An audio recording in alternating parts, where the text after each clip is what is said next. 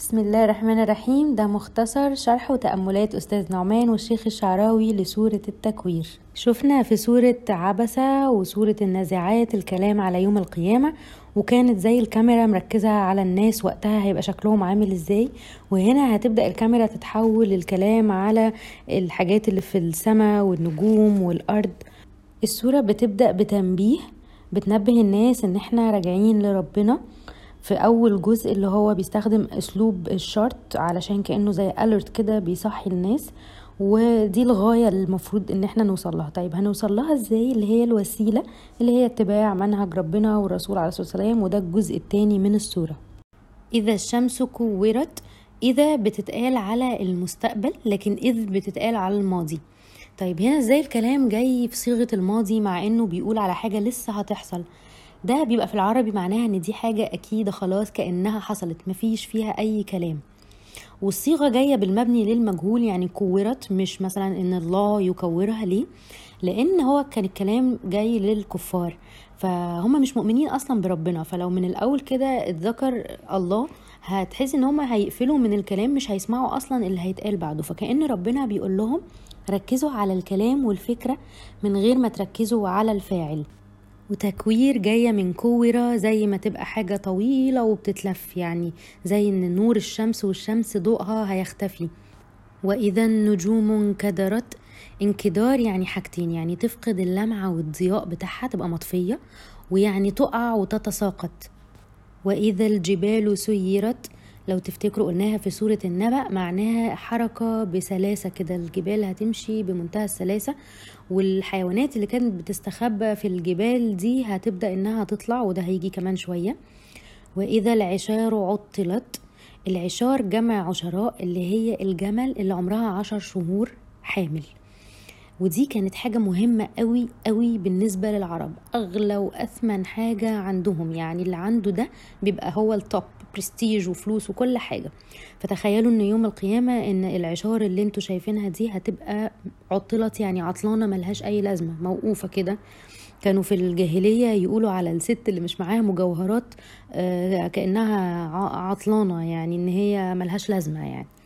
خلاص في يوم القيامة محدش بقى بيبص على الحاجات الغالية دي كلها كله مركز في نفسه. وإذا الوحوش حشرت الوحوش اللي هي الحيوانات اللي مش أليفة اللي هي البرية اللي كانت بتبقى خطيرة وبتعيش لوحدها كده ما بتحبش حيوان ماشي لوحده كده ما بيحبش يبقى مع حد. هيحصل العكس إن يوم القيامة هتبقى تحشر. يعني إيه حشرت يعني اتجمعت بس بتتقال على حيوانات زي يوم الحشر كده إن حاجة بتتجمع بالايه بالقوة ويقال إنها هتتحاسب زي برضو البني آدمين. ولو نلاحظ إن كل حاجة في يوم القيامة بتبقى عكس الطبيعي بتاعها. الطبيعي إن الناس مع بعض هتفر من بعض. الطبيعي إن الوحوش دي كل واحد بيبقى بيجري لوحده هيتجمعوا على بعض. وإذا البحار سجرت البحار هي جمع كثرة معناه كل أنواع المياه يعني جمع الجمع جمع كبير قوي. وسجرت جاية من تسجير يعني يملى وعاء كبير بالفحم والبنزين ويولع فيهم يعني حاجة مولعة على الآخر. وممكن يكون معناها إن هي هتبقى زي وقود للنار تخلي النار تولع أكتر جهنم أو يكون معناها يعني إيجاز إن المية هتبقى فايرة جامد جدا زي النار يعني فيضان فاير زي النار. وإذا النفوس زوجت زوجت يعني بقت أزواج ونفوس برضو جمع كثرة ممكن في ليها كذا تفسير. الأقرب هو تفسير عمر رضي الله عنه إنه قال إن اللي عمل الكويس هيبقى مع الكويس هيبقوا أزواج مع بعض والوحش الشر مع الشر.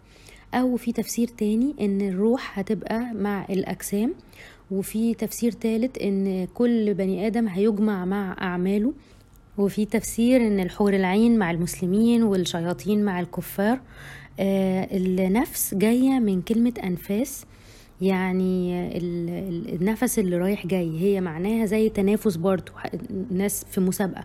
فالكلمة دي جاية من معناها حاجة رايحة وجاية متقلبة.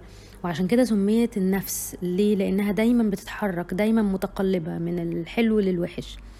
وإذا الموءودة سئلت من وقده يعني كانوا بيدفنوا الأنثى وهي حية بيعتبروها نوع من العار. هنا مش أبوها اللي هيتسأل طبيعي إن أبوها المجرم هو اللي يتسأل لكن لأ ربنا مش بيكلم الناس دي يوم القيامة. لكن هي اللي هتتسأل. كل الناس اللي هي كان محفيش حد يدافع عنها يوم القيامة هيبقى ليها فرصة إن هي اللي تتكلم. وده تفكير جاهلي لحد دلوقتي لسه في ناس بتفكر آه إن البنت عار مع إن الحديث كان بيقول إن اللي بيربي ثلاث بنات كويس هو بيدخل الجنة وما تقلتش على الأولاد. بأي ذنب قتلت؟ إيه الذنب اللي عملته علشان تتقتل؟ وذنب يعني أصغر أصغر غلطة يعني حتى ما عملتش أي حاجة خالص آه مش زي سيئة. سيئة بتسأل على الحاجة الكبيرة. والغريب إن ده وقتها كمان كان العادي يعني محدش بيدافع عنها يعني وصلت لمرحلة إنها بقت ثقافة. وعشان كده هي هتاخد الفرصة يوم القيامة إن هي اللي تتكلم وتقول اللي حصل فيها. وإذا الصحف نشرت اللي هي صحائف الأعمال هتتفرد كده وكأنها رجعت للحياة تاني زي اتنشرت نفتكر الصحف اتقالت في سورة عبسة على إنها كانت القرآن واتقالت قبل كده على إنها كانت الوحي وهنا بتتقال على إنها الأعمال. وإذا السماء كشطت. نلاحظ هنا إن السماء ما اتقالتش مع النجوم والبحر في الأول مع إن ده كان ممكن يجي في بالك أكتر. ليه؟ لأن هي مرتبطة باللي جاي زي ما هنشوف. وكشطت كلمة جاية من كشط زي الجزار لما بيسلخ يشيل الجلد بتاع الحيوان فبيسموه كشط. طب إيه اللي بيبان لما حاجة بتتكشط الحيوان؟ بيبان تحته اللحمة الحمراء. وهو ده برضو نفس التعبير إن السما هتبقى زي كأنها اتقشرت كده أو اتسلخت ويبان لونها أحمر. وده سبحان الله الوصف اللي في سورة الرحمن إن السما هتبقى وردة كالدهان يعني لونها وردة حمراء زي الجلد. طب ليه؟ إيه اللي حصل؟ الآية اللي بعدها تشرح وإذا الجحيم سعرت سعرت جاية من سعرة يعني نار عالية قوي زي البرج لدرجة إن الأحمر بتاعها واصل فوق ومنعكس على السماء اللي هي في العادي بيبقى لونها أزرق وزي انعكاس للبحر اللي بيبقى لونه أزرق. هنا الموضوع كله أحمر. وإذا الجنة أزلفت يعني معناها إنها هتقرب يعني كأن هي أصلا موجودة بس هتبدأ تقرب لهم. عشان كده الوشوش بتبقى بتضحك زي ما كان الوصف في سورة عبسة. وأزلفت جاية من زلفة يعني حاجة قريبة وليها مكانة عالية. زي في حفلة تكريم كده مثلا لما الناس بتبقى بتتكرم بوسام حاجة تقرب كده ليهم وليها مكانة كبيرة. كل الأقسام اللي فاتت دي يجي عليها جواب الشرط. إيه اللي يحصل بقى بعد كده؟ علمت نفس ما أحضرت. يعني كل واحد هيعرف إيه اللي هيقدمه قدام ربنا. والأعمال بتيجي كتير مع كلمة أحضر إن أحضر دي يعني حاجة اتجابت مضطرة بالعافية. فلا أقسم بالخنس والفاء بتربط اللي جاي باللي قبله يعني نتيجة لكل اللي فات ده نيجي بقى للأعمال المفروض إن ده يؤدي لعمل. الكفار كان عندهم ال business كبير قوي بتاع التنجيم زي دلوقتي قراية الكف والأبراج والكلام ده كله. وكلمة خنس هي الحاجة اللي بتظهر وتختفي اللي هي النجوم. لأن هم كانوا بيقولوا إن ده بيبقى زي علامة يتفائلوا يتشائموا ويقعدوا يقروا كده على حسب النجوم. النجمة ظهرت النجمة اختفت. ويقولوا إن هم ليهم شياطين بيقدروا يتكهنوا من حركة النجوم واختفائها المستقبل. فربنا بيقسم بالموضوع ده الجواري الكنس. جار يعني حاجة خرجت من طريقها زي النجم في السماء ال shooting stars والحاجات دي. آه والكنس اللي هي الغزالة اللي بتبقى بتجري بتجري وفجأة تدخل تستخبى في المخبأ بتاعها. كل ده كلام على النجوم وحركتها اللي هم كانوا بيتفائلوا يتشائموا بيها ويقروها. فربنا بيقول لهم إن ربنا هو اللي بيتحكم فيها وفي ظهورها واختفائها. وإن الرسول عليه الصلاة والسلام مش بيشتغل لا في التنجيم ولا بيتكهن بالمستقبل زي ما أنتوا بتقولوا يعني. والليل إذا عسعس عسعس يعني أظلم يعني إن هو يبدأ ويخلص. العسعس اللي هو الوقت اللي لما بتبقاش شايف فيه كويس بسبب الليل. والصبح إذا تنفس. وهنا بين الصبح كأنه حاجة بتتنفس بتظهر وبتتنفس. الكلام ده كله ممكن يبقى برضو كناية عن الرسل اللي بتيجي وتنور الظلام. وبرضو كناية عن إن ربنا هو زي ما بيتحكم في الليل وفي الصبح هو برضو بيتحكم في النجوم وإن دي ملهاش أي معنى زي ما أنتوا بتقولوا وإن أنتوا ما تقدروش تقروا الغيب. إنه لقول رسول كريم رسول هنا المقصود بيها جبريل عليه السلام. وقول غير كلام كلام يعني معناها إنه طالع من الشخص نفسه يعني لو كلام ربنا دايما تتقال كلام الله. لكن قول يعني معناها إن حاجة بتقولها على لسانك بس مش كلامك. مش شرط إنها تكون كلامك فعلشان الرسول هو بيوصل كلام ربنا. كأن ده مش كلام الشياطين اللي أنتوا بتعتمدوا عليهم لكن ده كلام رسول كريم بينقل الكلام بأمانة. والسورة اللي فاتت سورة عبسة كانت بتدافع عن الرسالة صحف مكرمة. هنا بتدافع عن الرسول وتوصيل الرسالة. ذي قوة عند ذي العرش مكين. بيوصف برضو جبريل عليه السلام إن هو عنده قوة قوة من عند ربنا مش زي القوة اللي أنتوا بتقيسوها بتاعتكم. وإن هو مكانه جنب العرش بتاع ربنا يعني في مكانة عالية جدا. مطاع ثم أمين. يعني المطاع يعني حد الناس بتتبعه بحب من تطوع كده جاي من كلمة تطوع حاجة بتعملها بحب.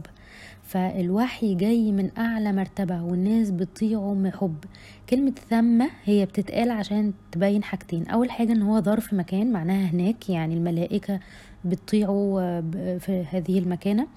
والحاجة التانية كمان إنها بتقوي الصفة يعني كأنها نوع من التأكيد. الصفة إيه اللي جاية بعدها؟ اللي هي أمين. لأن الموضوع كله مسألة أمانة.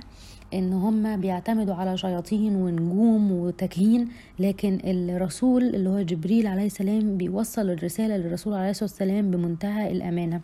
ويبدأ يحصل شفت والكلام يتوجه للكفار على الرسول عليه الصلاة والسلام وما صاحبكم بمجنون؟ وهنا اتقصدت كلمة صاحب ما تقالش محمد ما تقالش رسول. ليه؟ اولا لأن ده حد معاك في الوقت ده معناه حد مصاحبك يعني حد أنت عشت معاه. مش بس في الوقت ده وكمان تاني حاجة في المكان ده وسطكم يعني بقاله كتير معاكم. فأنتوا عارفين كويس قوي إن هو مش مجنون. ولقد رآه بالأفق المبين. الأفق جاي من أفاق اللي هو كأنه الجانب أو الكورنر إن هو شاف مين؟ شاف سيدنا جبريل عليه السلام. يعني برضو ده مش كلام خيالات لكن ده حقيقي بجد شافه. وما هو على الغيب بضنين. ضنين يعني بخيل. يعني هو مش بقى مش عارف مثلا الغيب وبخلان عليكم بيه. هو بيبلغكم كل الرسالة اللي هو عارفها من غير ما يبخل عليكم بأي غيب. وإن الحاجات التانية دي كلها كلام شياطين وكلام تنجيم. وما هو بقول شيطان رجيم. يعني هو مش كلام شيطان. شيطان أصلها جاي من حاجة من الاتنين. شطنة يعني حد بعيد قوي قوي عن الحقيقة.